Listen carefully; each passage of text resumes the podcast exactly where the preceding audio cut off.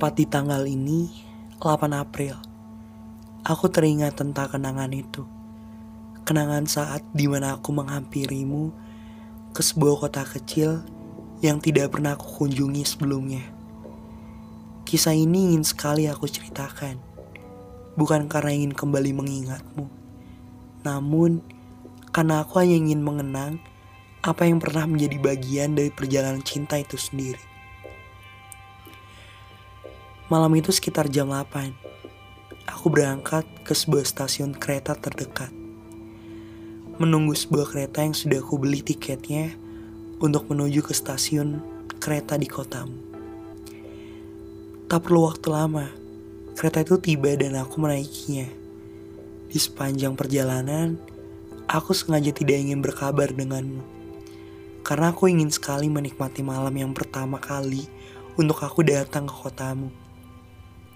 Ya, anggap saja seperti sebuah ketenangan jiwa atas kebahagiaan dan rasa kegelisahan saat itu. Saat itu aku belum begitu suka menulis. Jadi begitu banyak momen-momen yang tak dapat ketuangkan dalam sebuah tulisan. Di dalam sebuah gerbong, aku bertemu dengan teman baru. Aku lupa namanya.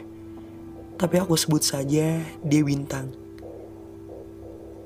Dia dan aku bercerita banyak sepanjang perjalanan.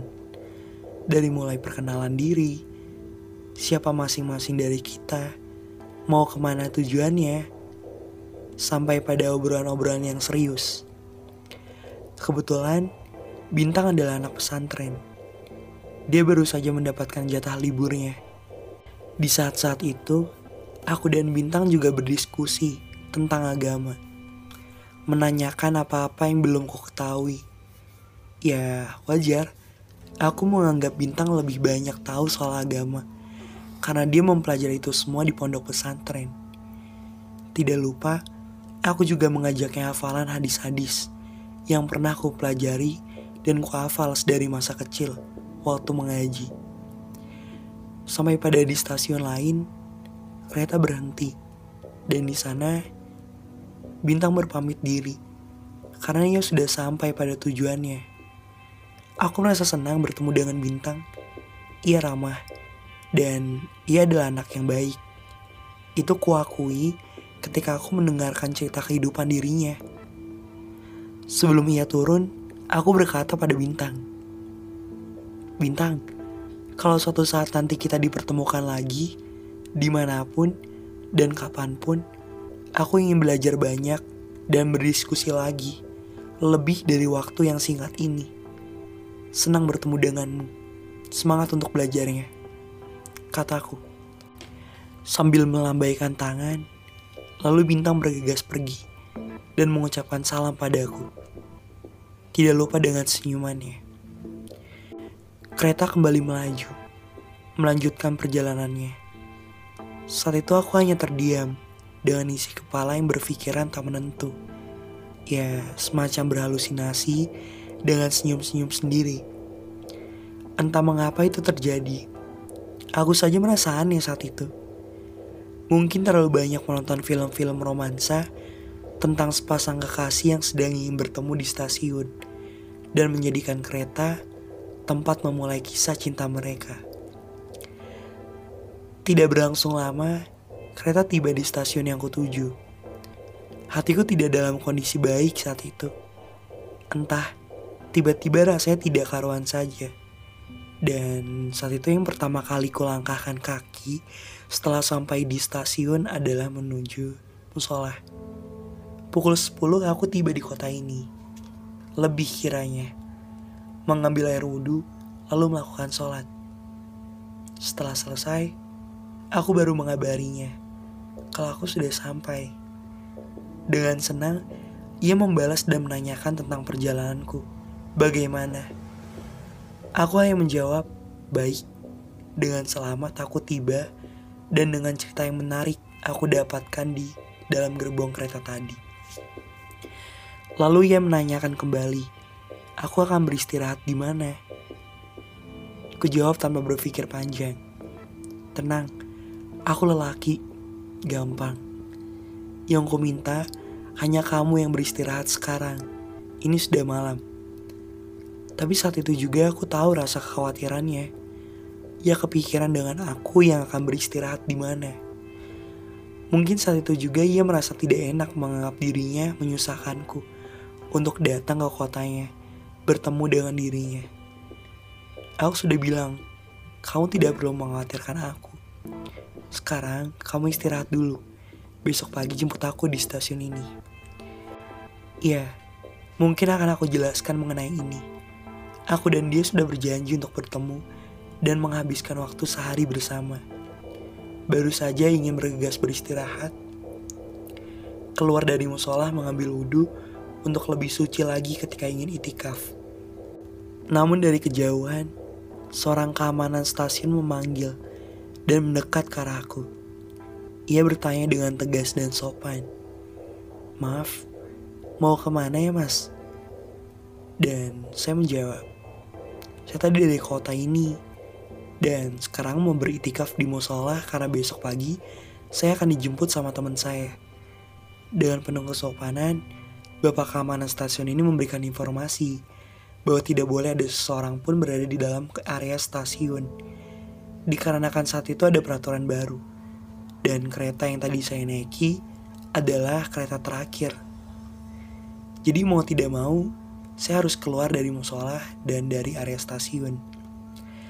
Malam itu sekitar pukul setengah 12, aku mengabarinya kalau aku kemungkinan tidak bisa beristirahat karena bingung mencari tempat. Dan kujelaskan permasalahan yang tadi. Sebenarnya bukan sebuah permasalahan sih. Lebih tepatnya sebuah alasan mengapa aku bilang bahwa tidak bisa beristirahat. Tapi ternyata salah. Aku kira dia sudah tidur. Ternyata dia masih terjaga dan mengkhawatirkan aku. Dengan cerita yang baru saja aku sampaikan, ternyata itu yang semakin membuat dia merasa lebih khawatir. Lalu dengan pelan aku jelaskan kembali. Kamu tenang aja, dan sekarang kamu tidur. Biar besok gak kesiangan jemput aku di stasiun ini. Untuk aku tidur di mana, kamu jangan dibawa pikir.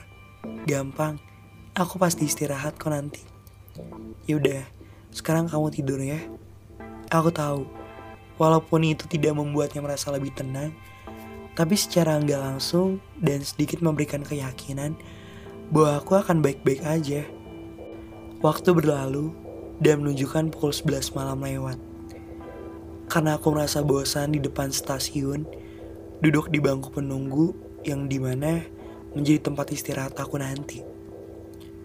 Ku keluar ke jalan mencari warung kopi terdekat untuk menghilangkan sedikit penat dan pikiran-pikiran yang sudah sangat membosankan.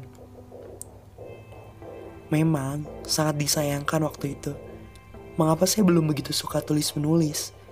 Padahal kalau saat itu sudah suka menulis, mungkin ada banyak isi kepala yang dapat ditumpahkan menjadi susunan kata-kata yang indah. Mungkin. Tak terasa, menikmati kopi dan mengisap asap putih dapat membuat waktu berjalan cepat. Pukul 4 aku kembali ke depan stasiun. Sembari menunggu azan subuh, karena terlalu lelah, mulai kurebahkan badan. Tanpa sadar, seketika mata terpejam. Tapi aku sedikit merasa tidak nyaman. Sebentar-sebentar terjaga lalu kembali terpejam karena kelelahan. Sampai tanpa aku sadari, ternyata stasiun mulai ramai. Sudah banyak orang-orang yang sibuk membeli tiket untuk berangkat ke tujuan mereka masing-masing. Maklum, bagi sebagian orang pada waktu itu, kereta menjadi transportasi yang nyaman untuk ke kota lain ketika bekerja. Ya, sampai sekarang sepertinya sama, walau tidak sepenting dan seramai dulu. Mentari mulai mengintipkan sinarnya perlahan. Udara yang dingin mulai terasa sedikit hangat. Kesunyian yang kudapati sepanjang malam di stasiun mulai menampakkan kebisingannya. Saat itu aku mengabarinya, menanyakan untuk tidak kesiangan menjemputku di sini. Ternyata pagi itu semua kegembiraan mulai sedikit merubah menjadi kekesalan. Ya, ternyata ia agak sedikit lama untuk datang ke sini. Dengan sedikit ketidaksabaran dan ego yang kumiliki meninggi, terucapkan sepatah kata. Kalau kamu ke sini lebih dari 15 menit, aku akan beli tiket dan kembali ke kotaku. Di saat itu aku tidak berpikir bahwa jarak rumahnya ke stasiun sejauh apa. Mungkin karena aku merasa lelah saat itu dan kurang beristirahat, jadi terlontar kalimat yang muncul dari keegoisan. Tapi aku tidak benar-benar ingin melakukannya, hanya sebatas ancaman agar dia tidak terlalu lama. Ternyata, lewat beberapa menit, aku sudah mulai setengah kesal. Dia ternyata sudah sampai di depan jalan stasiun. Karena saat itu aku sudah merasa kesal, kusuruh dia untuk masuk ke dalam dan menghampiri ke stasiun. Setibanya ia dalam stasiun, ia bergegas menghampiriku dan berkata dengan lembut, Maaf, aku telat. Kamu gak benar-benar balik lagi kan ke kota kamu? Dan dalam kondisi seperti itu, rasa di hati benar-benar semakin kacau. Antara rasa antara rasa kebahagiaan, kebingungan, dan kekesalan. Jujur, di saat itu kita baru saling bertatap muka secara langsung. Tetapi, aku merasa kita sudah kenal begitu lama dan sudah sering bertemu. Tanpa disadari, aku luluh dengan sikapnya. Dan saat itu, kita berdua bergegas berjalan untuk menghabiskan waktu sehari bersama. Ketika sedang berada di parkiran, entah karena dia grogi atau karena apa, ia spontan bertanya, Kau bisa bawa motor kan? Dan saat itu aku hanya tersenyum sembari menjawab, Kalau nggak bisa, emang mau nyeterin satu hari full, cowok yang baru diketemuin sekarang. Yakin, mau mati bareng. Sembari ketawa kecil karena ngelihat wajahnya yang kelihatan bingung. Enggak kok, aku bercanda. Bisa aku bisa. Setelah keluar dari parkiran motor, aku menanyakan hari ini kita mau ke mana aja. Dia menjawab, ke mana aja terserah kamu. Atau kamu mau aku ajak muter-muter untuk melihat keindahan yang ada di kota ini. Ya, begitulah perempuan. Kalau ditanya, jawabnya kalau nggak terserah, nggak apa-apa. Padahal itu kotanya. Sebelum melakukan perjalanan dengannya, aku bertanya, di mana ada pom bensin yang ada kamar mandinya? Aku mau numpang kamar mandi soalnya. Dari semalam, Mau ngapa-ngapain gak ada kamar mandi di luar stasiun. Setelah tiba di kamar mandi yang ada di pom bensin, aku bergegas untuk bersih-bersih. Tapi sayangnya dalam hanya sekedar cuci muka dan memakai parfum sebanyak mungkin. Sangat jorok bukan? Maklum, kondisinya lagi dibutuhkan seperti itu. Setelah itu dari mulai pagi sampai maghrib, aku bersamanya menikmati keindahan yang ada di kota itu. Aku cukup senang dan bahagia. Sembari membuat momen-momen indah berdua, dan aku harus kembali ke kotaku setelah menghabiskan waktu sehari bersama dengan bahagia. Ini kisah yang cukup panjang, namun sengaja aku persingkat, karena aku hanya ingin mengenang perjalanan cinta menuju dan bertemu dengannya di kotanya. Asal kamu tahu, jika kamu mendengarkan secara tuntas podcast ini, sudah pernah saya bawakan di episode ke-21. Kala itu, kisah cinta bersamamu. Dan tepat di tanggal 8 April ini, saya kembali ingin mengenang perjalanan itu yang menurut saya pribadi menjadi momen yang sangat dan tetap akan teringat. Terima kasih sudah mendengarkan. Salam hangat untukmu yang kisahnya sedang aku ceritakan dan sedang ku kenang kembali. Sehat-sehat kamu di sana. Salam rindu yang dalam. Dari aku. Oh iya, tanggal 6 April kamu ulang tahun ya. Waktu itu kamu pernah bilang, kalau kehadiran aku pada tanggal 8 April adalah kado yang terindah saat itu.